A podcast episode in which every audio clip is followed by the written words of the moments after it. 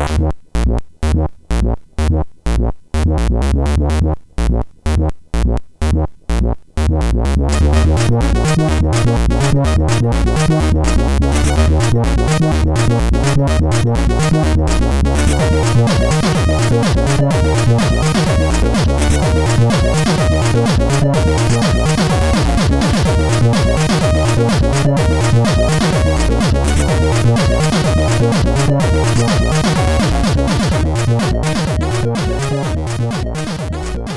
Sziasztok, ez itt a Checkpoint 5. évadának 27. adása. Hello, László!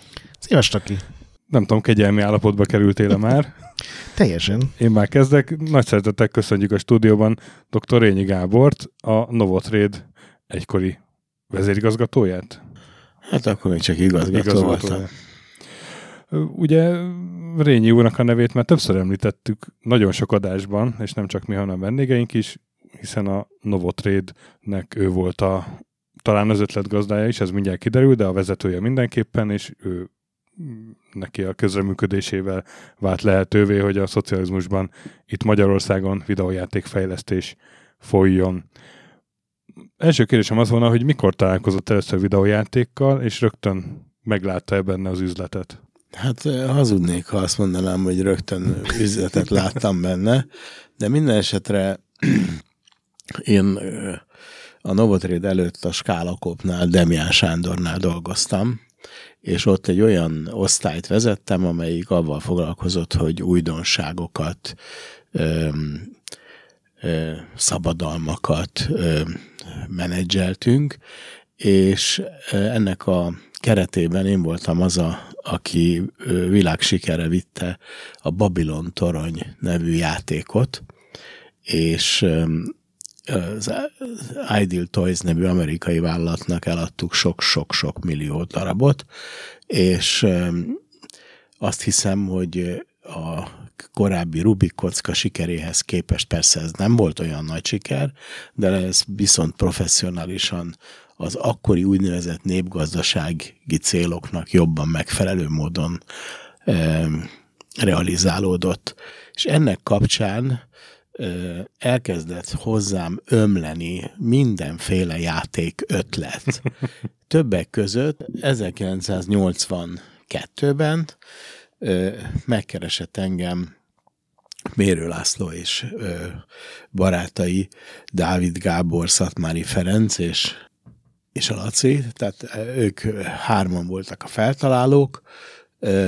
Volt nekik egy játékötletük, ami meg, meg, megcsináltak elektronikus ö, mintában, úgy, hogy saját maguk forrasztották a, a, az alaplapot, és rátettek egy, egy csippet, amit szépen me, megterveztek, meg, és beégettek, beégették a szoftvert, és működött a játék. Ennek az volt a neve, hogy XL25. Ez, egy, ez volt az első magyar elektronikus játék, amely, amely szintén világsikeres volt, még mielőtt a játék szoftver elkezdődött volna.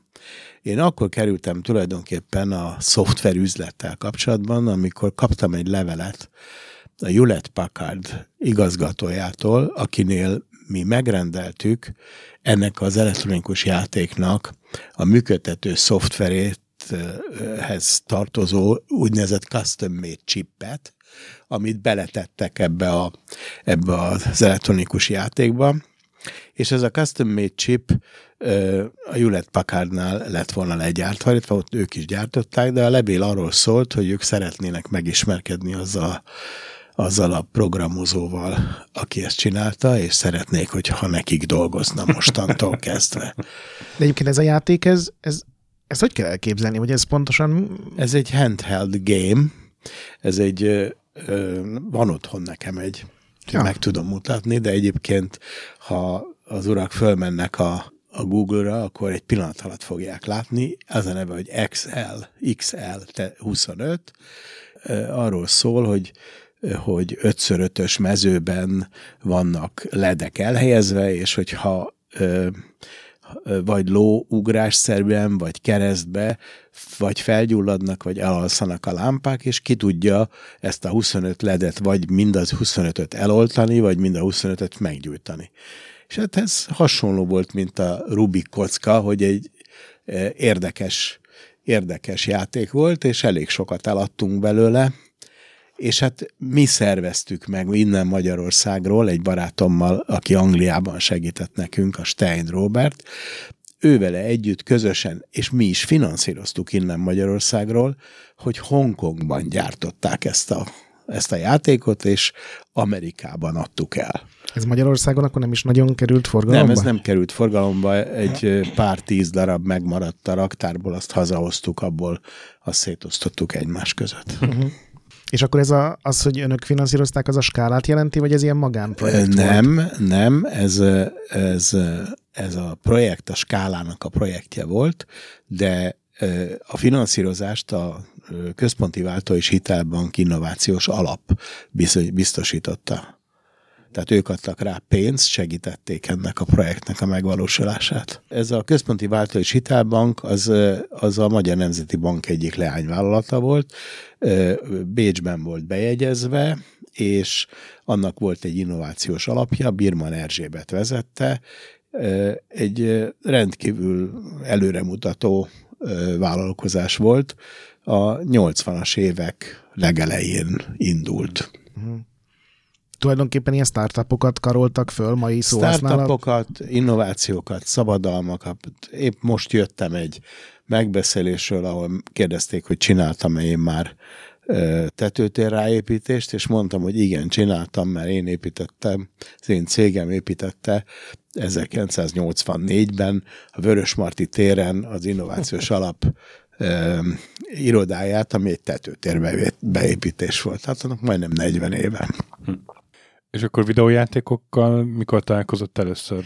Tehát hát ennek, ezt... kapcsán, ennek kapcsán, hogy rájöttünk arra, hogy a magyar, hogy, hogy, hogy olyan pasik vannak, mint a Mérő Laci, aki a, akkor a Stakiban dolgozott, és hát nagyon okos, okos és felkészült és elismert fiú volt, de hát a többiek is, Dávid Gábor, meg Szatmári Ferenc, ezek nagyon, nagyon otthon voltak ebben az, ebben az elektronikai területen, és, és hát az a siker, amit ez hozott nekem, vagy nekünk, az nagyon sokat segített abban, hogy Stein Robinak eszébe jutott, hogy hű, de jó lenne a Komodornak játékokat csinálni Magyarországon. És ezért 1982. novemberében Magyarországra utazott a, ö, a barátjával, aki a Komodornak az igazgatója volt, kereskedelmi ö, igazgatója volt, és ö, ő hozta el magával a 002-es számú Commodore 64-est, és a kiskakú kétteremben így elővette a táskájából, és megmutatta nekem, hogy hát erre kellene szoftvert csinálni. És akkor én ö, ö, közvetlenül január elején, 2008, 1983. január elején meghirdettem egy pályázatot, hogy küldjenek nekünk storyboardokat, programozó vagy játékot szerető csoportok, írják le, hogy hogy működik, csináljanak képernyő vázlatokat vagy képeket, és a storyboard ne legyen több, mint tudom én, három gépet oldalnál, és foglalják össze, hogy mi, mi az érdekesebben. Ezt hol lehetett meghirdetni? Nagyon érdekes műsor volt, volt egy, egy nagyon, nagy, akkoriban nagyon helyes pasas, Pomesánszki Györgynek hívták, ő volt a, a Felkínálom népgazdasági hasznosításra címmel egy ilyen innovációs műsort vezetett nagyon-nagyon jó dolog volt. Tehát annyira meg, megmozgatta az akkori fiatal értelmiségiek gondolatait, hogy, hogy, hogy lehet eredményeket elérni, és hát akkor már volt Magyarországon GMK volt mindenféle vállalkozási kis szövetkezet, vállalkozási formák, sok mindent csináltak akkoriban már Magyarországon az egyébként az átlagnál is sokkal tehetségesebb matematikusok, fizikusok, fiatal értelmiségiek, akik érdekes módon pont azért, mert volt egy vasfüggöny, nagyon sok mindent kénytelenek voltak saját maguk kifejleszteni, ahhoz, hogy meg tudják a problémákat oldani, miközben a nyugati pályatársaik hozzájutottak mindenféle fejlesztési eszközhöz, amihez nekik hát amihez ők nehezen tudtak volna hozzájutni. Tehát egy nagyon tehetséges társaság volt, és hihetetlen mennyiségű és érdekes ö, ember jelent meg ezen a pályázaton. Több mint ezer pályázat érkezett be. Azt hiszem, hogy egy hónapig négyen-öten csak ezt olvasgattuk, hogy mi, melyik, hogy, hogyan néz ki. Én, amire emlékszem, az első pályázatban szerepelt a kínai zsonglőr című játék, a Chinese Juggler, és hát gyönyörűen le volt rajzolva, hogy hogy, hogy, fog, ez, hogy, hogy fogja pörgetni a tányért uh-huh. a, azon a kis boton a, a zsonglőr, és, és hát olyan sok érdekes és színes elképzelés volt, hogy hát nagyon nagy bajban voltunk, hogy, hogy mit, mit válasszunk ki, hogy, mert ugye ezerféle ügyre nem lehet kezdeni, úgyhogy úgy, abba, abba, úgy döntöttünk, hogy 20 darabot kiválasztunk, és ezt a 20-at mutattuk be a Commodore-nak, és a Commodore-nak volt egy fejlesztési igazgatónője, bizonyos Gail Wellington, aki egy olyan ö, akkoriban volt annyi idős, mint amennyi most én vagyok, tehát egy ilyen idősödő hölgy volt, de láthatóan borzasztóan értett a, a, a, a, a játékokhoz, a játék pszichológiához, és ő volt a Commodore-ban a játék ö, kiválasztás fő, fő, főnöke. És hát ő kiválasztott ötöt ezek közül a játékok közül,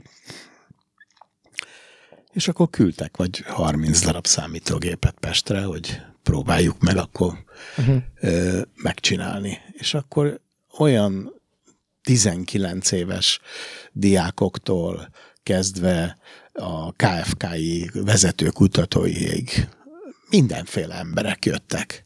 És akkor azok kaptak tőlem Commodore 64-est, 1541-es flopival és monitorral, és adtunk nekik még magnót is, nem csak flopit, hanem magnót is, és adtunk, egy néhánynak adtunk még Matrix nyomtatót is, mert ugye dokumentálni kellett a programozásnál. Úgyhogy nagyon, nagyon tulajdonképpen nagyon, nagyon izgalmas időszak volt, és soha ennyi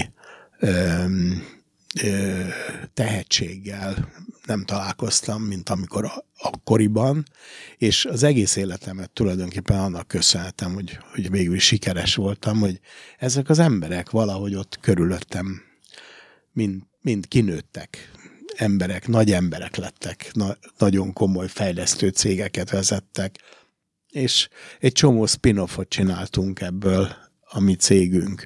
Csináltam cégeket velük, ezekkel az emberekkel, és azokból nagyon sok érdekes vállalkozás lett. És akkor mikor lett ebből a Novotrade nevű cég? Hogy, ja, a Novotrade ezettől független volt. Az ettől független ez volt? Abszolút független ah. volt. A Novotrade-nek ez csak egy projektje volt. Hmm. A Novotrade-et a Központi Váltós Hitelbank Innovációs Alap, a Magyar Fejlesztési Bank, a Magyar Külkereskedelmi Bank hozta létre, ez három, három bank hozta létre ezzel a 92 ö, ö, egyéb gazdálkodó szervezettel, és azt mondták nekem, hogy Gábor, csináljatok egy olyan céget, amelyik csak és kizárólag újdonságokkal foglalkozik. Ebből lett a név is, hogy Novo Trade. Tehát, hogy új kereskedelem. Most ennek akkor volt jelentősége, mert Magyarországon tervgazdás, tervgazdálkodás idejében az állami ö, vállalatokat vagy szövetkezeteket valamilyen ö, határozott célra hozták létre. Ez pedig egy, ez pedig egy olyan cég volt, hogy neztek gyerekek, adunk nektek pénzt, és csináljátok, amire ez kedvetek van. Az egyik igazgatósági tagunk, aki a Püspökladányi Termelőszövetkezet elnöke volt, ő azt mondta, hogy Gábor, hát mindent fogtok csinálni. A halott hamvasztástól a gyerekcsinálásig mindent. Hát ez elég széles skála. Tehát elég, elég, igen, elég széles skála, és tulajdonképpen, ha végigveszem azt, hogy mi mindennel foglalkoztunk, akkor ö, ö, annyira alacsony színvonalon állt akkor még Magyarországon az innovációknak a, a sikerre vitele, hogy esküszöm, hogy majdnem minden, amihez nyúltunk, abból valamilyen siker lett. Tehát önmaga az, hogy, hogy megengedték nekünk, hogy mi nyugodtan, szabadon, őszintén ahhoz nyúljunk, amihez kedvünk van, és amiben piacot látunk, és volt rá pénzünk, és semmilyen szabály nem, nem korlátozott bennünket. Akkoriban, ez most nagyon nevetségesen hangzik, de például akkoriban előírta a X minisztérium, hogy nem tudom én, autókilométereket, amit megtehetett egy autó, egy kocsi, egy, egy cég a vállalati vagy nem vállalati autókkal, az egy kontingens volt. Azt engedélyeztetni kellett. Most, amikor mondtam a, a, az igazgatóság tagjainak, hogy hát le van írva a jogszabályban, hogy, hogy engedélyeztetni kell, mi meg sehova nem tartozunk nem volt egyetlen főhatóság sem, aki azt akarta volna mondani, hogy na akkor mi vagyunk a ti főnökötök. Senki nem, nem akart bennünket. Elmentem az Országos Műszaki Fejlesztési Bizottsághoz, akkoriban egy Pál László nevű főosztályvezető volt, akit be tudtam beszélni, és mondtam neki, hogy hát eh, nem vállalnátok el bennünket, mint műszaki fejlesztő vállalatot, hogy ti legyetek a főhatóságunk hogy vállalunk el. Csináljátok, amit akartok. És akkor egyszer csak elkezdtünk mindent. És akkor azt mondta az igazgatóság erre a ö, hülye szabályt, hogy kell betartani, hogy hány kilométert mehetünk vidékre. Azt mondta az igazgatóság, Gábor, terjezd elő, hogy mennyi kontingenst kérsz, és mi majd jóvá hagyjuk, mert mi vagyunk a ti főnökötök. Ugyanis a részvénytársaságot kétféle jogszabályi környezet ö, határozta meg. Az 1870-es kereskedelmi törvény, és, és az a törvény nem volt hatályon kívül helyezve. Tehát az érvényes volt az egész szocialista időszak alatt. Csak éppen nem használták. De volt.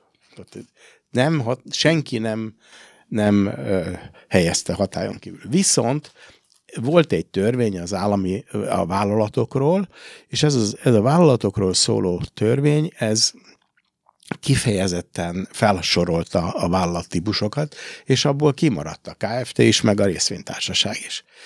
Igen ám, de ezt az ellentmondást a jog ö, nem, hogy mondjam, ez nem, nem, nem, nem tiltó dolog, hogyha ott ebben nincs benne, hát nincs benne.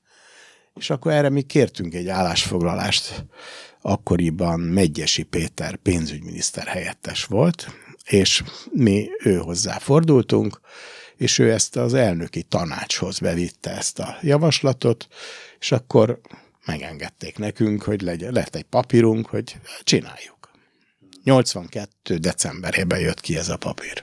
És ez, bocs, ez pusztán mázli, vagy, vagy, vagy kapcsolatok, vagy mi kellett ehhez? Mert ez ilyen Nem, én, má... azt gondolom, én azt gondolom, sokan kérdezik ezt, sokan, mindenki azt mondja, hogy á, persze Rényinek könnyű volt, az apja a Népszabadságnak a főszerkesztőjettese volt, KB tag volt, mindenféle izé, kapcsolatokkal rendelkezik. Ez egész nem igaz. Egyszerűen arról van szó, hogy akkor az egész magyar gazdaságot át, ö, átjárta a, a változás szele, mert a GMK-k, a kis szövetkezetek rengeteg helyen rengeteg dolgot csináltak, és az, hogy valaki nem csak GMK-ba gondolkodik, vagy nem csak kis szövetkezetben, hanem esetleg egy részvénytársaságban, ez úgy, erre ugyanolyan receptív volt a, az akkori vezetés, mint a GMK-ra is.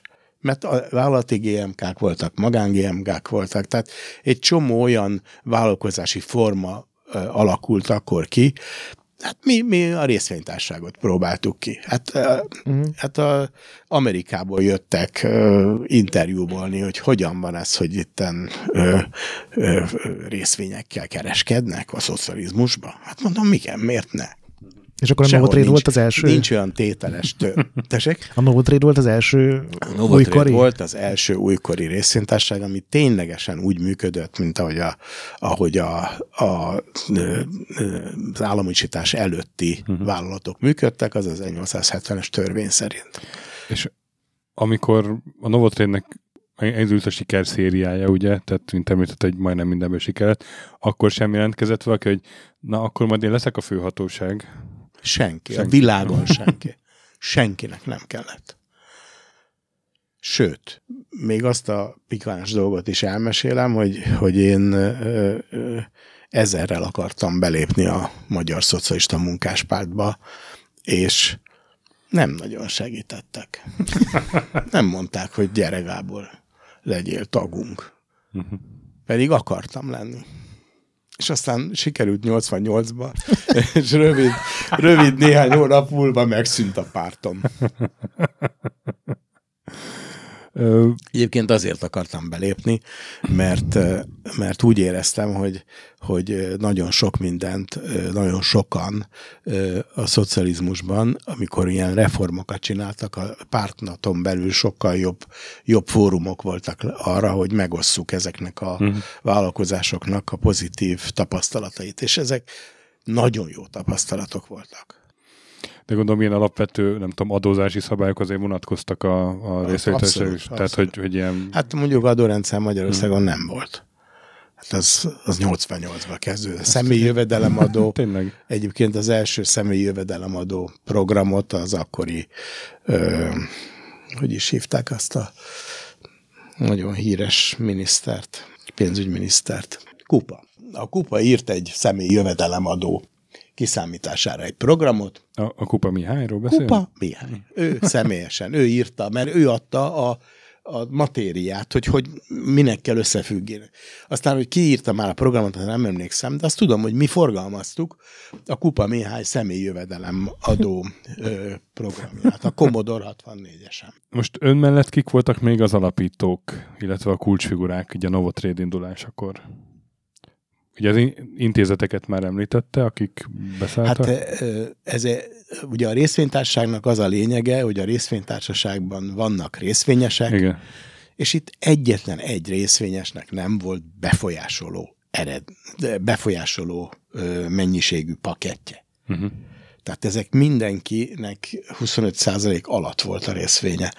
Azaz, gyakorlatilag az igazgatóság, illetve én és a helyettesem, mi, mi döntöttük el, hogy mi történik. Tehát mi a tulajdonosokkal egy évben egyszer találkoztunk, amikor kiosztottuk az osztalékot, és megünnepeltük önmagunkat, és, és ez hazament mindenki boldogan. És ez a, a Szilágyi József? Szilágyi Jóska József? volt a... Még, még önt, őt szokták Ő emlegetni. egy kiváló ember volt, az egész ötlet és az egész jogi háttér az a Szilágyi Jóskától ered. Ő egy nagyon kellemes, kedves, nagyon helyes, börtönviselt ember volt, mert, mert a termelőszövetkezeti elnökként valami ö, koholt vádba keverte őt a Cservenka elvtársnő, hmm. és lecsukták két évre, és hát és hát ő került oda hozzánk 82-ben, és mint, mint börtönviselt kiváló ember, ennek ellenére ő lett a, a mi igazgatóságunk tagja és igazgatóhelyettes, és ő volt a motorja a cégnek. Kiváló pasas volt. Sajnos nagyon rövid idő múlva meghalt betegségben. És a, a játékfejlesztés az egy idő után már főprofil lett, vagy, vagy még ezt se lehet mondani? Én azt mondanám, hogy, hogy a cég, tehát a Novotrade nagyon sok, sokat köszönhet a játékfejlesztésnek. A játékfejlesztés volt az első olyan tevékenység, amely alapvetően exportra ment, alapvetően öm, szellemi export volt, amely nagyon eltért az akkori idők öm, szoftverexportjától, mert a szoftverexportőrök gyakorlatilag a programozókat exportálták, és nem semmilyen terméket, originális terméket, nagyon keveset állítottak elő Magyarországon. Ezek viszont originális termékek voltak, illetve voltak ennek bizonyos bérmunka jellege is, mert azért voltak olyan projektek, amelyek kívülről jöttek, és itt a programozási kapacitást vették igénybe. De ez volt a ritkább. És az Andromeda, ugye az a Novotrade-nek volt az angol társa, vagy legalábbis... Az Andromeda a... volt a Stein Robi. És az Andromeda, Stein Robi nagyon jó barátom volt. Úgy, úgy ismerkedtem meg vele, hogy akkor még skálakópos koromban írtam neki egy telexet, hogy Stein úr maga képviseli a, a Sysys nevű sakkomputergyártót, legyen szíves jön, Budapestre jönni, mert a Tungsram szeretne magával egy sakkomputer gyártani itt Budapesten. És akkor idejött, megismerkedtünk. és, és akkor vettünk is egy pár ezer sakkomputert, és azt a Tungsramit összeszerelte nekünk, és ezt behozta alkatrészekbe, és aztán összeszereltük, mert és aztán rájöttem arra, hogy ez az egész összeszerelős díj, ez egy nagy baromság, mert olcsóbban megkapjuk, hogyha készárut veszünk, mm. de arra nem volt, nem volt importengedély. Oh. Tehát ez úgy működött, hogy hogy a Videoton például kitalálta, hogy a Videoton majd gyárt, gyárt home computereket, és ezért összeállt egy Enterprise nevű kiváló angol céggel, és ott semmi más nem történt, mint az Enterprise leszállította nekik a chipet, meg az összes alkatrészt dobozban, és azt itt Fehérváron összerakták. És hát ez így szétszedve sokkal drágább volt, mint hogyha egybe megvettük volna a Gengross áruházban Bécsben. Mert ott a fogyasztójára olcsóbb volt, mm. mint amennyire a videóton importálta. És akkor én egy nagy harcot folytattam a Magyar Nemzeti Bank, a Magyar Kőkereskedelmi Minisztérium, az Országos Műszaki Fejlesztési Bizottság és a Központi Statisztikai Hivatal által létrehozott ilyen számítástechnikai importbizottsággal, ahol harcoltam azért, hogy vegyék már tudomásul, hogy, hogy, hogy sokkal olcsóbban lehet venni készárút, mert ez egy olyan commodity, ez a C64-es, amit a gatyák között árulnak az áruházba, és hát mi, körülbelül annyit tud, mint, amennyi, mint amennyit az R20-as, vagy nem tudom melyik számítógép, amelyik 20 millióba került egy gazdálkodó szervezetnek, ez meg hozzá tudott jutni egy pár százezer forintért. Na most innentől kezdve senki nem akart orosz számítógépet venni.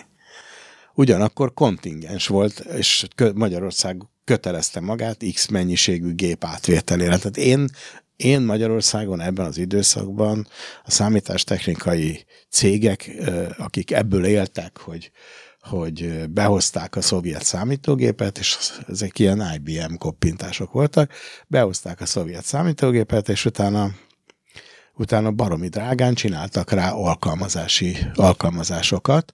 Semmi olyan, hogy mindenki használhassa egyformán és olcsó legyen, ez egyáltalán nem létezett a gondolkodásukban. Tehát én voltam a közellenség, aki elkezdtem szám, Commodore 64-es tömegével behozni. De ennek volt privát import oldala, volt, ö, volt rendes import oldala, volt kompenzációs oldala, tehát mondjuk ö, eladtunk a Mercedes gyárnak 40-50 ezer darab palettát, amin, amin az árut szállítják, ilyen fa palettát, európalettát, úgy hívják, és akkor ebből az európalettás exportból lévő devizáért vettünk számítógépet. És hát nekünk mindenfélét megengedtek, mert, mert ugye sok exportunk volt, sok ugye a, szem, a személy, tehát a, a magánszemélyek és programozók által készített termékek, azok simán termelték a devizát, és hát akkor elkezdtem könyveket kiadni, ami a Commodore-ral, meg a, tehát a személyszámítógéppel kapcsolatos, és egy sor olyan dolgot kezdtem el csinálni, amitől tehát mindenki halálideges lett a, a Hát Sebestén Jánosnak hívták az OMFB-nek az elnök helyettesét, aki, aki felelős volt a magyarországi számítógépes fejlesztésekért, és hát azok, azok minden hajuk égnek állt, amikor meglátták, hogy itt mi, mi folyik.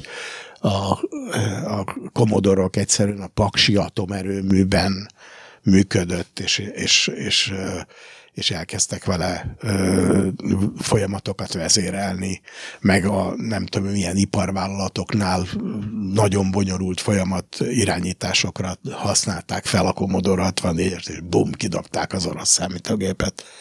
Hát azért csak, hogyha a villany, villany számlát nézzük, akkor is sokkal olcsóbb volt. Szóval ezek, ezek ilyen nehéz idők voltak ebből a szempontból, mert ezt nagyon nem szerették egyesek. De hát uh-huh. aztán beletörődtek. Na most a jó Novotrade-nek a játékfejlesztő részlegének a menedzselésébe ön mennyire folyt bele? Tehát a konkrét játékprojekteket is felügyelte, vagy azt másra bízta? Hát ennek különböző stádiumai voltak. Uh-huh. Az első, a legelején személyesen én csináltam mindent a legelején. De aztán rájöttem arra, hogy, hogy egyrészt én nem értek a, a programozáshoz, ne, nem, nem, nem tudom igazából fel, felügyelni azt, hogy ott mi folyik, és akkor fogtam magam, és a televízióban láttam ezt a kis Donátot. Mert ő egy iszonyú jól beszélt a, a számítógépes játékokról, és akkor valahogy megkerestem, hogy, hogy nem akarná-e nálunk dolgozni, és akkor elvállalta. Na most a Donát, hát az egy, ez egy fény az éjszakában, az a pasi. Tehát komolyan, szóval ö, csak ilyenekre kéne ezt az országot bízni, mint az a Donát, szóval ilyenekre. Szóval, ö, Afrikában, Észak-Afrikában éltek a szülei, és ö, kiválóan tudott franciául, remekül tudott angolul, a matematikához, programozáshoz nagyon értett, és hát egy remek szervező, kulturált, sokoldalú ember. Tehát ezeket sokszoroztam ott a Novotrétben. nagyon sokan voltak. Szóval nem tudok olyan emberről beszélni, akiről valami negatív uh-huh. emlékem lenne, illetve ha van, azt már fejtettem. És akkor a az üzletszerzésbe sem vett részt? Tehát de, maga... de sokáig én ö, részt vettem az üzletszerzésben. Egyrészt ö, ö, bejártam a világot, ugye én minden évben mentem a ö, már az Excel 25 idején is, 82-ben én már kim voltam a Chicagói Consumer Electronics Show-n, és a Las Vegas-i Consumer Electronics Show-n, és minden évben kétszer elmentem Amerikába, aztán voltam voltam háromszor Japánban, ö, számtalan ö, nyugat-európai országban előfordultam, ahol, ahol, ahol cipeltem a, a, mob, a hordozható Commodore 64-est, ami egy olyan 40 kiló volt, és az a ilyen pici kis Ez képernyője pici volt, és hatalmas doboz volt. Ez a SX64 nevű modell. Így, igen, van, igen, így igen. van. Hát azt abban én sétáltam New Yorkban a Mit Praktikus. Tudom, hát mert nem volt pénzem nagyon ö, taxira, úgyhogy vittem, cipeltem. Uh-huh. Úgyhogy nagyon érdekes világ volt. És e-, ebből az időből milyen tapasztalatok voltak? Tehát hogy viszonyultak a magyarokhoz, a nem tudom, az amerikaiak, az angolok, a japánok, a franciák? Egyszerűen nem mondom azt, hogy csodabogárnak néztek bennünket, mert nagyon nagyra értékeltek mindenki, nagyon nagyra értékelte, amit csinálunk. Tehát kifejezett, tehát soha nem volt kisebbségérzésem. Hát mondjuk nem, voltam, nem voltunk olyan elegánsan felöltözve, meg nem volt olyan, de, de nem, nem számított ez. De mindenhol el lehetett jutni, minden. Csak az olyan, a... olyan, olyan, olyan, hát mondjuk, ha azt mondom, hogy a Microsoftnak fejlesztettünk 86-ban Amerikában játékot, meg a Nintendo-nak, meg a nem tudom, minden, you name it, akkor mi ott voltunk. Aha. És akkor jól értem, hogy ön a, az üzletszerzéssel foglalkozott? Én foglalkoztam az üzletszerzéssel, de főleg, főleg azt hiszem, hogy ha visszaemlékszem, én főleg abban voltam érdekelt, hogy olyan, olyan gazdasági infrastruktúrát hozzunk létre, hogy ne legyen nekem semmi probléma. Ha ezeknek a programozóknak kell valami, akkor legyen meg. És akkor a, a videójáték fejlesztést, az pedig egy idő, az pedig egy idő után már a Donát és a többi ö, Hát a vezető Donátnak, a Donátnak volt, volt egy egész csapata. Uh-huh. Persze. És a, akik, ma, akik készítették a programokat, azok mind belsősök voltak a Novotrade-nél, vagy ilyen idény munka is előfordul? Nálunk igazából belső programozó nagyon kevés Nagyon volt. kevés. Bauman Gábor, Pál Zsuzsa, egy, nem, ír- tehát egy kezemen meg tudom Mhm. számolni, hogy kik voltak azok, akik nálunk programozóként dolgoztak. De ez már csak a, már eléggé a vége felé volt, Mhm. hogy, hogy mi embereket alkalmazunk. Mi gyakorlatilag mindenkit licenszerződéssel kötöttünk magunkhoz, azt mondtuk, hogy x százalékát a jövedelemnek odaadjuk. Ha, jó, ha jót csináltok, akkor lesz belőle pénz, ha nem csináltok, akkor nem lesz. És, és, egy, és igazából a, a Novotrade-nek a szerepe az az volt, hogy az infrastruktúrát meg, megteremteni, értékesíteni, és a projektmenedzsmentet mi láttuk el.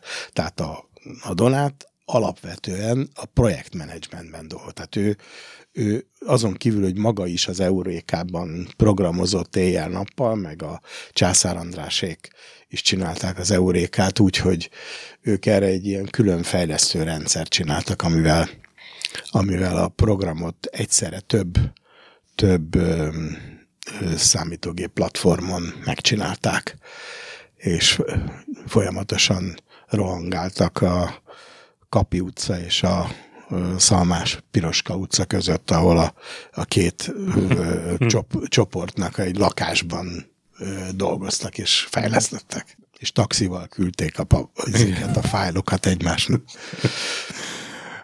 A rengeteg felmerült játékötlet közül gondolom csak néhányból lett játék, ezt a, a Donáték döntötték el, vagy azért önnel is egyeztették, hogy, hogy mik lesznek a megvalósuló Hát projektek? egészen biztosan tudom, hogy én semmi Mhm. ilyenben nem vettem részt. Tehát ö, ö, egy üzleti katalizátornak mindenbe bele lehet szólni, csak abban nem, amihez nem ért. Világos. De a végeredményt ö, megnézted? Hát kipróbálta azért a játékokat? Hogyne, volt nekem joystickon, persze. És melyik volt a kedvence? Vagy mik voltak a Hát kedvencei? én mindegyikkel játszottam egy kicsit, de az az igazság, hogy nem, nem voltam egy nagy, nagy játék uh-huh. ö, fan. Szóval nem, nem, nem. Én, én megmondom egész őszintén, hogy engem a, engem a vállalkozás sokkal jobban izgatott, a vállalkozás szabadsága, és főleg az, hogy ezt a rengeteg tehetséges embert lehetőségekhez kell juttatni. Tehát ez, ez izgatott. Konkurencia nem volt itthon a Novotrade-nek, meg az ilyen játékfejlesztés? Vagy... Ö, Később a végén az aporék, azok, az A-stúdió, azok, azok már ilyen konkurensek voltak. Ki, kicsoda? Mert bocsánat, ez nem, nekünk így nem mond semmit szerintem, hogy aporék. Az, a neve, az volt a neve, hogy A-stúdió. Ö, ők, ők csináltak, önállóan exportáltak Uh-huh. ö, szoftvereket, úgy 88-89-ben. Uh-huh. De én akkor már, tehát én akkor már ö, ö, láttam, hogy, hogy a szoftverfejlesztés ö, üzlete az egy, az, az ö, nem tud megmaradni a Novotrade-nek a keretein belül. Hát mi létrehoztuk a Novotrade-nek az észak-amerikai vállalatát, tehát Novotrade, hogy is itt nem észak, Novotrade America. Tehát Novotrade Amerikát létrehoztuk, az, az Palo Alto-ban volt. Az elég jó helyen Igen. van. és hát ott volt a cég, és akkor oda kiment a Császár András, meg kimentek azok a, azok a programozók, akik a Borlannak csinálták a Quattro nevű szoftvert. Ugye akkor, amikor az Excel még nem létezett, a Microsoftnak nem volt spreadsheet programja, akkor, a világ első a Lotus 1-2-3 volt. Ez egy csodálatos program volt, és ö, volt egy Borland nevű szoftver cég, elnöke Philip Kahn, azt mondta nekünk, gyerekek, ha le tudjátok verni a Lotus 1-2-3-at, akkor nekem van rá egy millió dollárom, hogy ezt kifizessem nektek. Minden paraméterében gyorsabbnak és jobbnak kell lennie. És ide küldött egy fiatalembert, aki megérkezett, hogy tudom én, két bőrönnyi ilyen szoftver, segéd szoftverekkel, mindenféle irodalommal, könyvekkel, és akkor összeállítottunk egy csapatot, és elkezdtük a Borland számára gyártani a, a Quattro-t. És aztán a Quattro Pro-t is mi csináltuk. És ezek olyan, olyan, ez a pasa semmi más nem nézett, csak azt, hogy nézte a stopperrel, hogy mennyi ideig homokórázik a... Ja, hogy komolyan gondolta, hogy gyorsabbnak kell. Minden, minden paraméterében gyorsabbnak kell, és a, az, annak mérhetőnek kellett lenni. Ma ez értelmezhetetlen. Igen. Mert nem Igen. lehet megmérni, illetve nem, nem egy stopperrel. Egy fizika, fizikai stopperrel? Nem, fizikai stopperrel. Miért? Hát, hát könyörgöm, amikor összeadott két számot a, a, a Lotus 1, 2, 3, az, akkor az mit tudom én beletartott másfél másodpercben, de neki fél másodperc legyen. Tehát, Legalább a programozóknak volt egy tiszta utasítása, hogy mit kell elérni. Tehát az volt, az volt a cél, hogy ugyanazt tudja, mint a Lotus 1, 2, 3, csak gyorsabb legyen.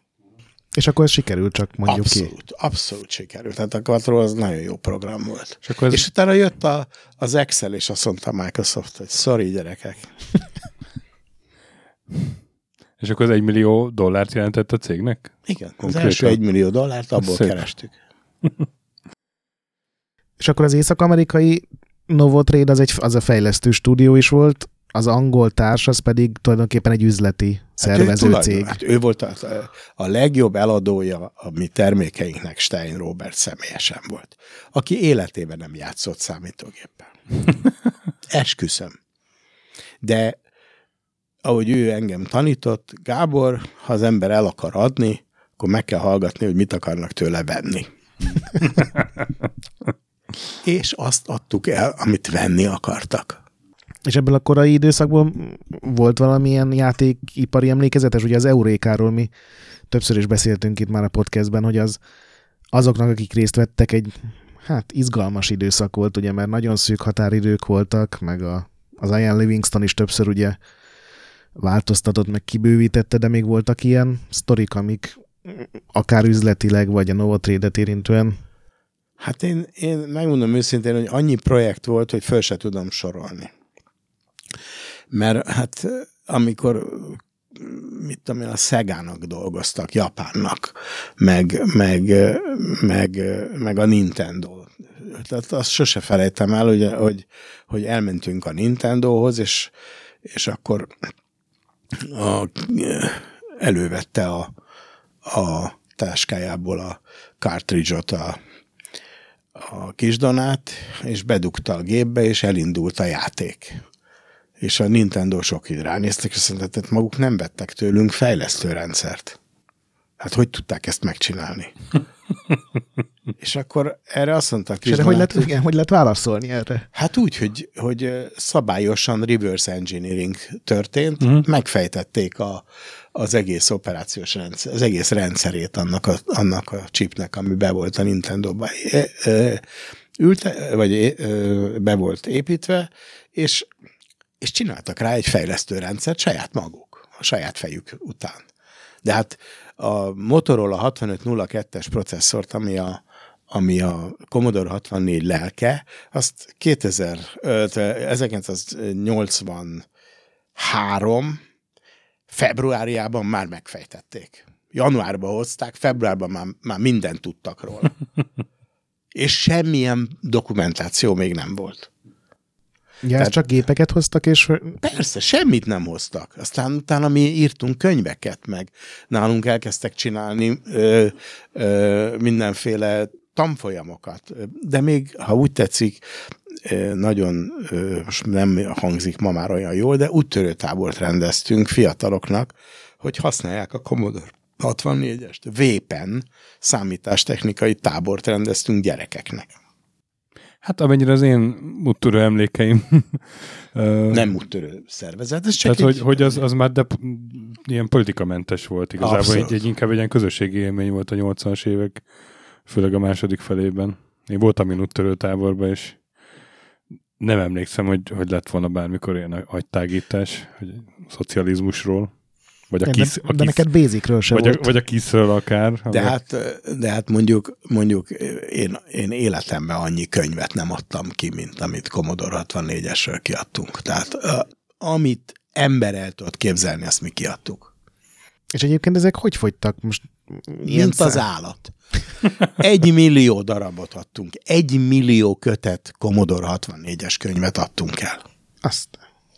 Egy milliót. Na, de hát persze természetesen volt ebben 60 féle könyv. Uh-huh. Tehát volt Hát akkor is sok. gépi programozás, Basic, Fortran, ilyen nyelv, olyan nyelv, mind, minden volt benne. És a játék, bocs, a játékok hogy fogytak itthon? Az, az Mi a, értékelhető játékok, volt? mi a játékok Magyarország értékesítésével egyáltalán nem foglalkoztunk. Tehát ez nem volt számunkra, nem, nem volt érdekes. Mert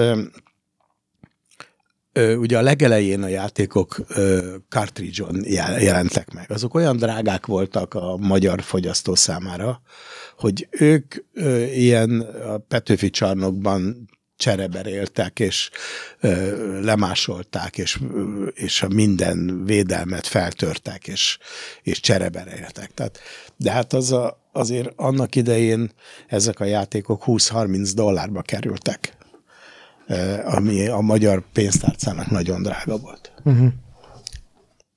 És hát azért nem volt olyan, tehát sok Magyarországon, sok 60, Commodore 64-es volt, de azért az installed base, ahogy mondják, az hát eh, ilyen mondjuk, hogy 30-40 ezer darab volt, hát az túró volt. Hát ez, a, ez semmi nem volt. Hát ezek millió számra öntötték ezeket a számítógépeket. A- Ezek a könyvek, ezek a Novotrade neve alatt jelentek Hogyne, meg? hogyne, a Novotrade kölyadó nevében. Nekem, nekem egy LSI rövidítés rémlik az abban az van, időből. Igen, azt is, abban is benne voltam. Az, az is Hogyne, az LSI, az a volt? Large Scale Integrated, uh-huh. az, egy, az egy alapítvány volt, aminek uh-huh. egyébként annak idején én egyik alapítója voltam, és ma, ma 2019-ben én vagyok az alapítvány egyetlen élő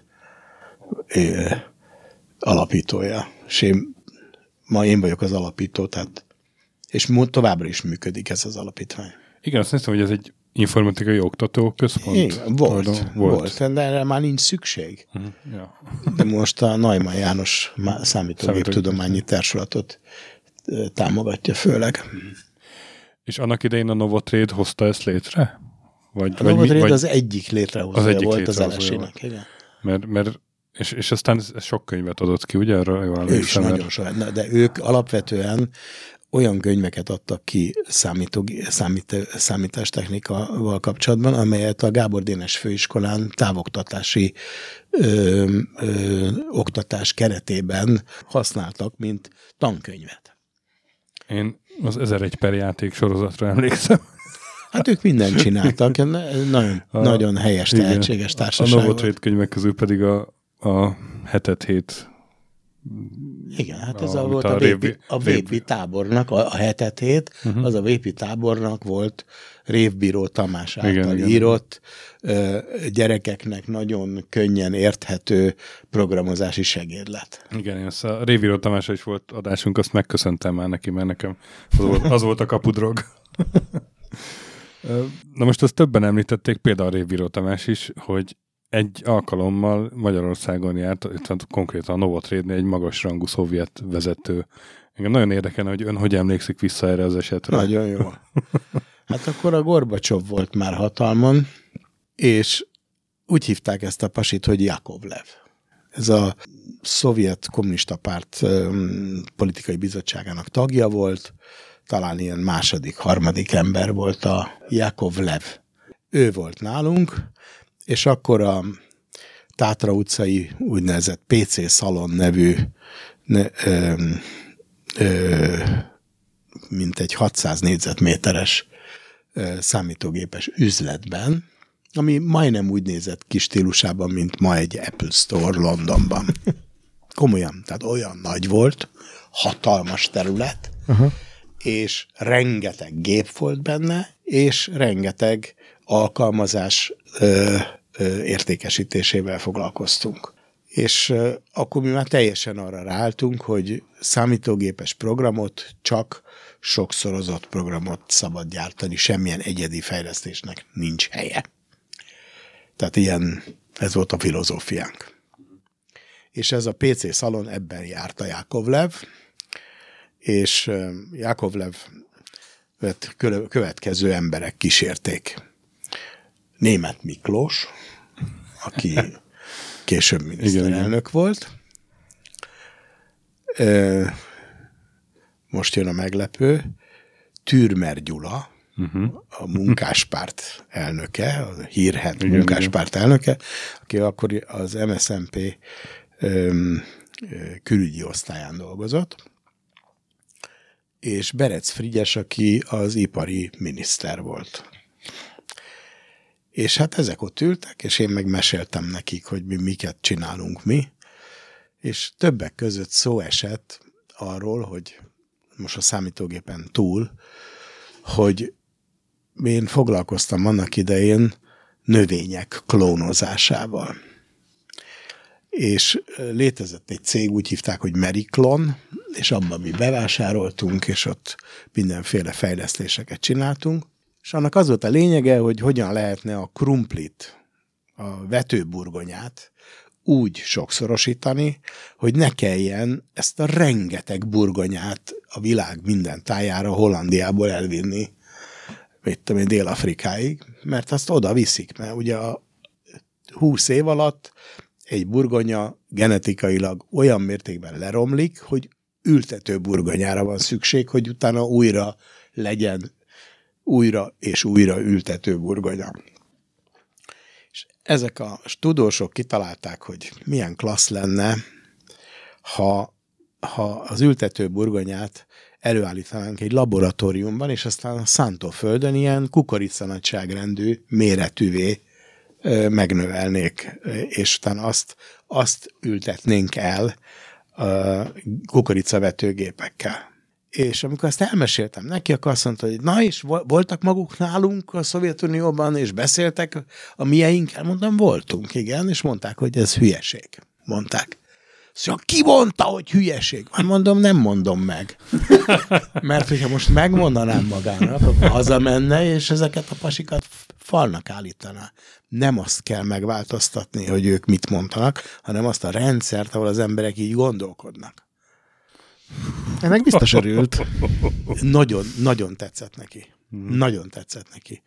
És ö, aznap estére meghívtak egy, egy nagy fogadásra, ami ö, ö, ahol ő az ő tiszteletére a Horn Gyula adott egy fogadást.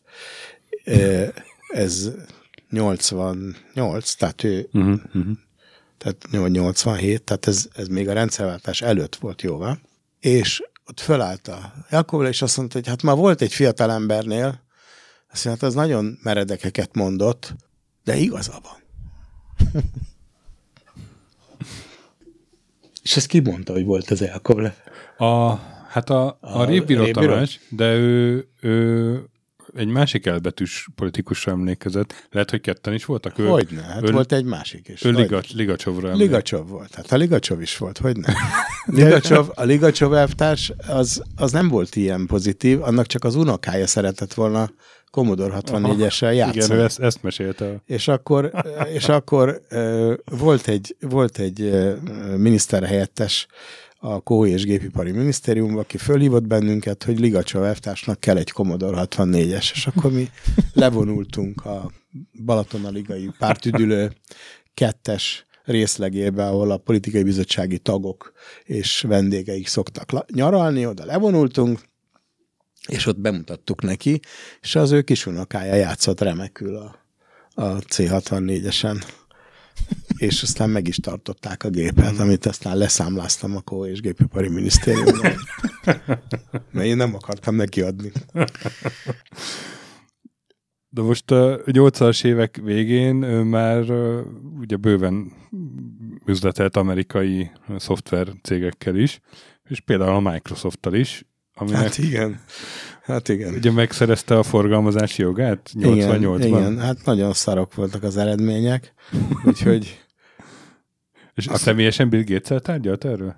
nem csak, hogy tárgyaltam, hanem- hanem 88-ban én írtam alá vele az, az első Microsoft magyarországi forgalmazási szerződést a frankfurti repülőtéren, a bejárattal szemben van egy nagy szálloda, és annak egy kibérelt termében voltunk, ott négy vagy öt országból jött és aláírni a szerződéseket, és akkor paroláztunk, ettünk, ittunk, örültünk, és talán egy év múlva kirúgtam őt mert szarul ment, mert olyanokat, mert ugyanis Magyarországon senki nem vett Microsoft operációs rendszert. Uh-huh. Vagy lelopták, tehát nem volt divat, hogy, hogy, meg, hogy tehát itt, itt egy olyan, olyan, ebben a szempontból egy olyan kulturálatlan vidék volt, mert ahhoz voltak szokva, hogy itt semmi nincs, Eh, tehát mindent, amit nyugatról innen-onnan be lehet, ezt puff, lekop, lekopírozták. Hát a szerzői jogi törvény még nem is terjed ki a szoftverekre akkor. Dehogy nem.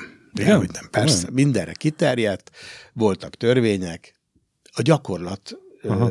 a gyakorlat, ami tulajdonképpen abból, abból állt, hogy nem nagyon volt rá deviza keret, hogy ilyet megvegyenek. És nem volt benne nagyon a kultúránkban sem az, hogy, hogy hát amit ezek a nyugatiak fejlesztenek, hogy mi azért pénzt fizessünk. Hát az egész KGST semmi más nem csinált, mint kopírozta a, az amerikai számító, számító. Tehát gyakorlatilag úgy volt, hogy a Neumann János kitalálta, az amerikaiak megcsinálták, aztán a másik magyar Neumann Jánosok itt lekopírozták. És aztán, amikor a Microsoftnak felfelé ívelt a csillaga, akkor... Hát én akkor már nem Ez- tudtam semmit szólni, hát már. De hogy ezt Na, akkor egy, egy vá- várándítással el tudta intézni? Hát mi, mi, mit, mit tehettem? Mit tehettem? Mert ugye üzletileg meg az volt gondolom a, nem is tudom, tehát gazdaságilag indokolt döntés 80-as években, hogy azt Nem, ugye nekem 89 őszén én találkoztam két amerikaival, akik befektettek a Novotrade-be, Uh-huh. és ezek, ezek az egyik az ST Laudernek a, a fiatalabbik fia, Ronald Lauder volt, a másik pedig egy Marshall Rose nevű amerikai ö, ingatlan befektető. Azt mondták nekem, hogy Gábor, minden, ami szoftver, azt felejtsd el, mert ezek úgyis ellopják tőled. Hát bizonyos értelemben igazuk volt, mert, mert ez egy annyira individuális dolog, hogy a világban nem létezett olyan szoftverstúdió, mint a Novotrade. Tehát, hogy egyszerre százan pro, együtt pro, programoztak, és hogy sorba bevállaltunk mindenfélet, mert, mert a nyugati világban ezek a csoportok sokkal kisebbek voltak, és csak egy, egy dologra koncentráltak. Tehát gyakorlatilag ilyen játékgyár a 80-as években, 83 és 90 között csak nálunk volt. És aztán az Apalóza egy ideig tovább folytatta ezt. Nagyon nagyok voltak, több mint százan dolgoztak a Novotrade Amerika ala, alapította meg az Apalózát, és gyakorlatilag a Novotrade teljes játékstúdiója oda átment. Igen, igen, igen. Ez a 90-es évek elején volt A valami. 90-es évek legelején, igen. És ott miért volt szükség egy új cégre? Miért nem a Novotrade Amerika csinálta a De játékokat? a Novotrade Amerika csinálta, bocsánat. Én eladtam a Novotrade Nord, én eladtam, én kiszálltam a Novotrade Amerikából. Ja, értem. Tehát azt én alapítottam a, Steinrobival, és, és, és mi eladtuk a, az amerikai partnerünknek. Tehát akkor az Appalooza a működésében onnantól ön már Nem, Már én nem, nem- nem volt benne. benne. Nem. Na, nagy érdeklődéssel figyeltem, mert ott voltak a Hegedűs Gyula utcai zsinagóga mellett egy pincében. Ö, ott működött az appalóza. de Most most az elején. Igen, aztán, Aztán átköltöztek a Városmajor utcába. Ugye a Microsoftról beszéltünk már, de az Apple-lel is volt ennek egy, egy emlékezetes üzlete, 1990-ben, ha jól találtam meg az interneten, hogy az első Apple Én Store-t. nyitottam ki az első Apple Store-t, Igen. Az, de az első Atari Store-t is én nyitottam ki. Komolyan? Igen. Az Atari Store az az, az Andrási úton volt, alias Népköztársaság útja, uh-huh. és, a, és az Apple Store pedig, amelyik mind a mai napig létezik, az, az, az a cég, a cég. amelyiket uh-huh. akkor létrehoztunk. Igen, a Gyarmati Kálmán barátommal hoztunk létre egy céget, ami mind a mai napig Apple ö, ö, javítással foglalkozik. Akkor ez egy jobb üzlet Almárium. volt, mint a... Almárium. őket, hogy Al- Almárium Kft. És azóta is működnek. Azt így zárójelben És a Pozsony Newton volt ez a, ez uh-huh. a és nagyon érdekes volt, hogy nem olyan régen nem olyan régen az a bérlő, aki 20 évig bérelte azt a helységet, ami a miénk, az leszették a, a feliratokat, és egyszer csak előjött a régi Apple felirat. És legalább egy hónapon keresztül régi pompájában ott volt, hogy, hogy Apple, Apple üzlet azokkal az ezüst Apple színekkel, tehát a fehér és az ezüst kombinációjával be volt az egész teteje az, ép, az épületnek. Úgy kellett uh-huh. szólni ennek a bérlőnek, hogy vegye már le, mert ez kellemetlen lehet. Ma már jobban figyelnek. Szóval, hogyha Microsoft operációs rendszert nem lehetett eladni, akkor Atari meg Apple hardvert azért el lehetett? Hogy? Tehát ez... Remekül. Hát a Microsoftnak nem volt semmilyen hardware Igen, csak hogy ezek gondolom azért baromi drága dolgok voltak annak idején. Hát... Így a magyar piacon. Nem volt olyan drága, mert általában cégek vették meg. Tehát... Ja. És hát volt olyan, akinek volt devizája, az megvette. Ja, értem. Mert hogy, mert hogy aki magánfelhasználó volt, az, az inkább ment a shillingjével a Mária Hilfestrasszére, gondolom. Igen. De a cégeknek viszont az... A ne... cégek, nálunk a cégek először is mi adtunk leasingbe ö, ilyen gépeket, részletre, uh-huh, mindenféle uh-huh. módon. Tehát gondolom cégeknek nem is volt járata nem tud, út. Tehát olyan, olyan kereslet volt rá, hogy amikor megérkezett a kamion a Commodore-ral, akkor a, a most most Hollán Ernő utca, akkor Fürst Sándor utca, és a Balzak utca sarkán lévő két C áruház előtt hosszú sorokban álltak az emberek, és sorba álltak a gépért. Úgyhogy tehát tényleg az volt, hogy amennyit be tudnak hozni, annyit el is lehetett adni egy hát, jó pár éven hát keresztül? Nem, nem emlékszem egyetlen mérlegben sem olyan készletre, amely leértékelésre került volna, mert Commodore 64-es megmaradt volna. Ezt a... Soha. Most akkor ugye az Appalooza-ban ön már nevetész, de a Novotrade az ettől függetlenül létezett már, csak nem foglalkozott videójátékfejlesztéssel a 90-es években. Ugye? Ne, mi abba hagytuk. És akkor mi lett a további sorsa a, a Novotrade-nek? Hát a Novotrade nagyon sok nehéz helyzetbe került a 90-es években. Az első legnagyobb problémát az jelentette, hogy pont a Commodore 64-es üzleteknek a kapcsán, mi egy óriási leasing üzletágat üzemeltettünk, és egy óriási mennyiségű számítógép importtal mm. foglalkoztunk.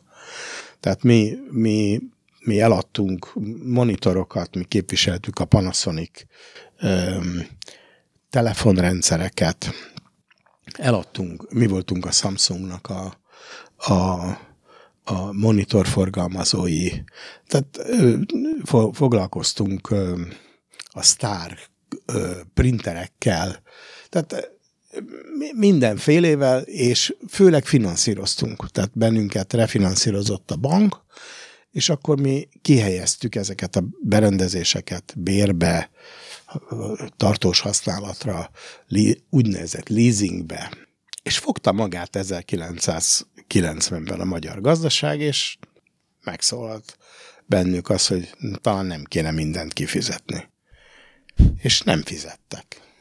Ugyanakkor engem a bank, a bankok is, meg a szállítók is, ezek követelték a pénzt.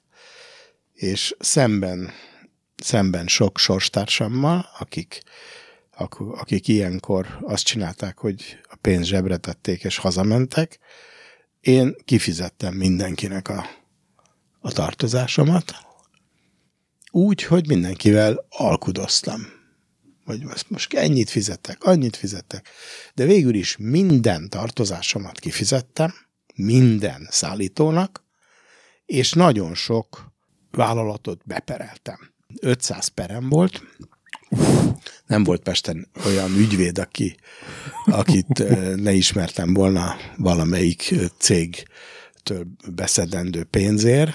A fél magyar vegyipar bepereltem, mert vegyiparosoknak volt egy Komporgán nevű számítástechnikai cégük, azok voltak a legnagyobb hitelezetjeink, és azok egyszerűen a szovjet export megszűnése miatt egyszerűen tönkrementek.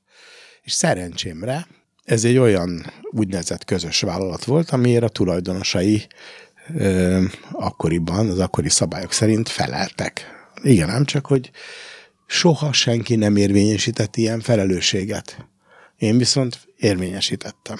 Hát három évig pereskedtem, az ne, minden magyar, a Péti nitrogénművektől az, az Egyesült Vegyi Művekig mindenkivel pereskedtem. És mindenkitől beszedtem a pénzt. Tehát akkor ez sikeres volt? A perek az nagy rendkívül, része? rendkívül sikeres volt, mert a cég ki tudta fizetni az összes adósságát. De hát mondhatok olyat is, hogy, hogy volt egy mezőbank nevű cég, egy bank, akinek tartoztunk, mit tudom én, 30 millió forinttal, és ők elfogadtak tőlem sasad részvényeket. Mert a sasaddal üzleteltem, és a sasadtól kaptam részvényeket, egy ingatlanért, és aztán odattam a sasad részvényeket a mezőbanknak, és egy pár hónap múlva hozott az országgyűlés egy határozatot, hogy a sasad nem lehet részvénytársaság, mert a magyar, magyar, magyar föld nem eladó. Úgyhogy akkor a bank bukta el a pénzt, nem hmm. én.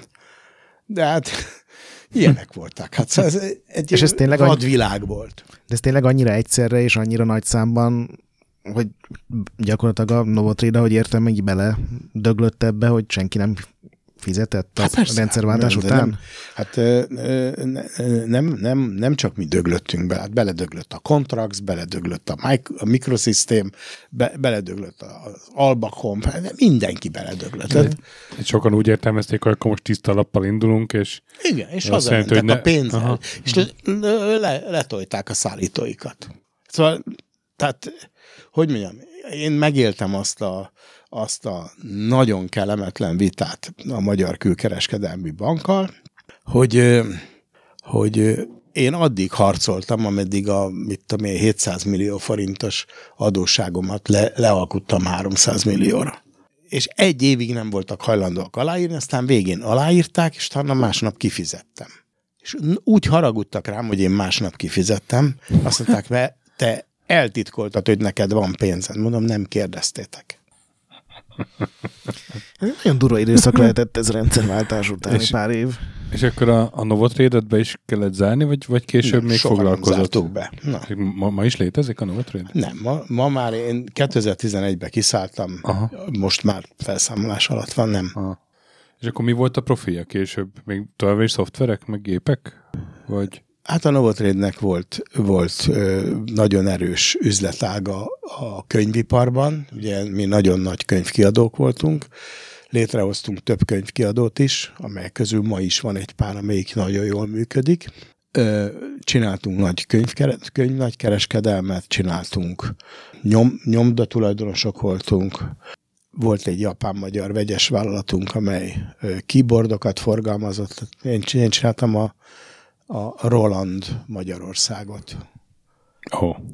A szintetizátorok uh-huh. meg hangkártyásról. Bizony, bizony. És az is, a, ez az ötlet is gyakorlatilag a 82-83-as időszakból jön, amikor a szalai testvérek megkerestek, hogy nekik van egy szintetizátor alapú egy számítógép ZX81-en működő szintetizátor uh-huh. rendszerük, és hogy nem forgalmaznám-e és, és az is nagyon sikeres volt. Uh-huh. Ezt eladtuk Németországban nagyon sok helyen.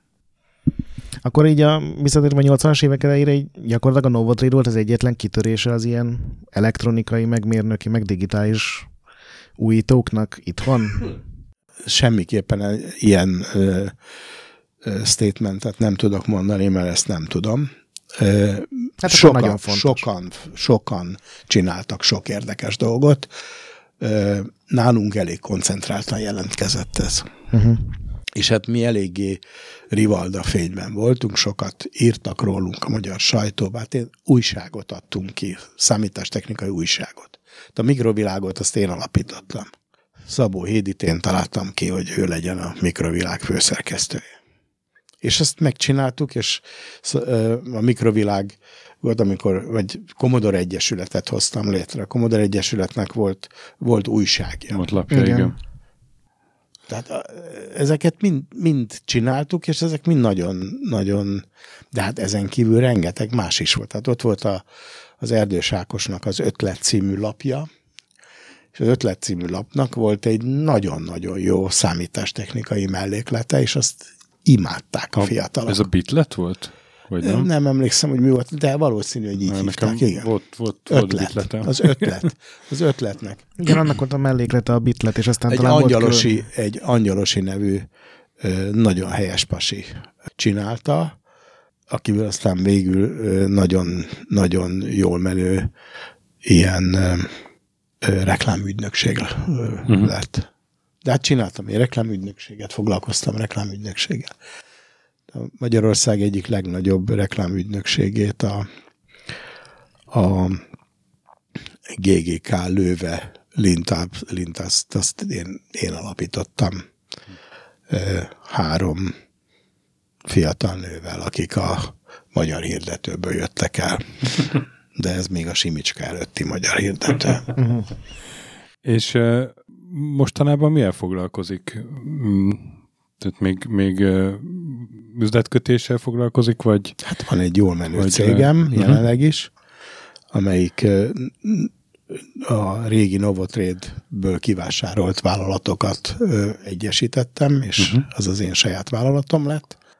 Foglalkozunk könyvvel, foglalkozunk orvosi műszerrel, foglalkozunk gyógyászati segédeszközökkel, és én az utóbbi három-négy évben egy ritka betegséggel kapcsolatos öm, szabadalmaztatott eljárások nemzetközi piacra vitelével foglalkozom.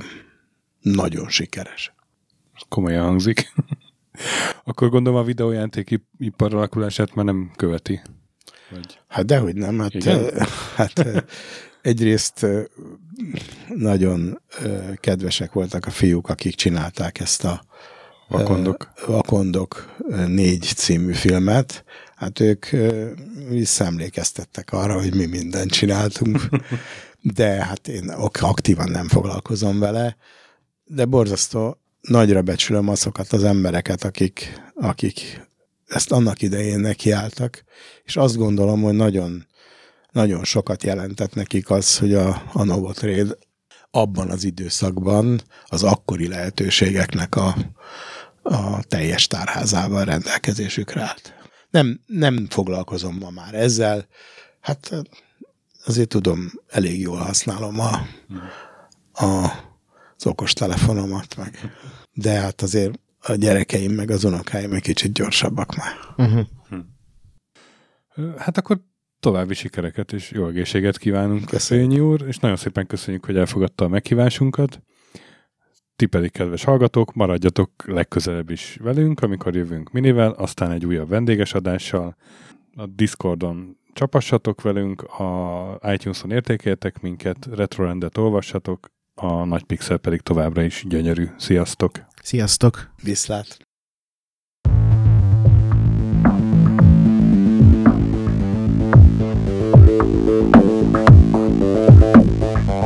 Listen, Buzz, it's just different.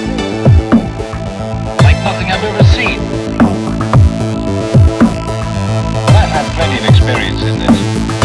I'll be on my car.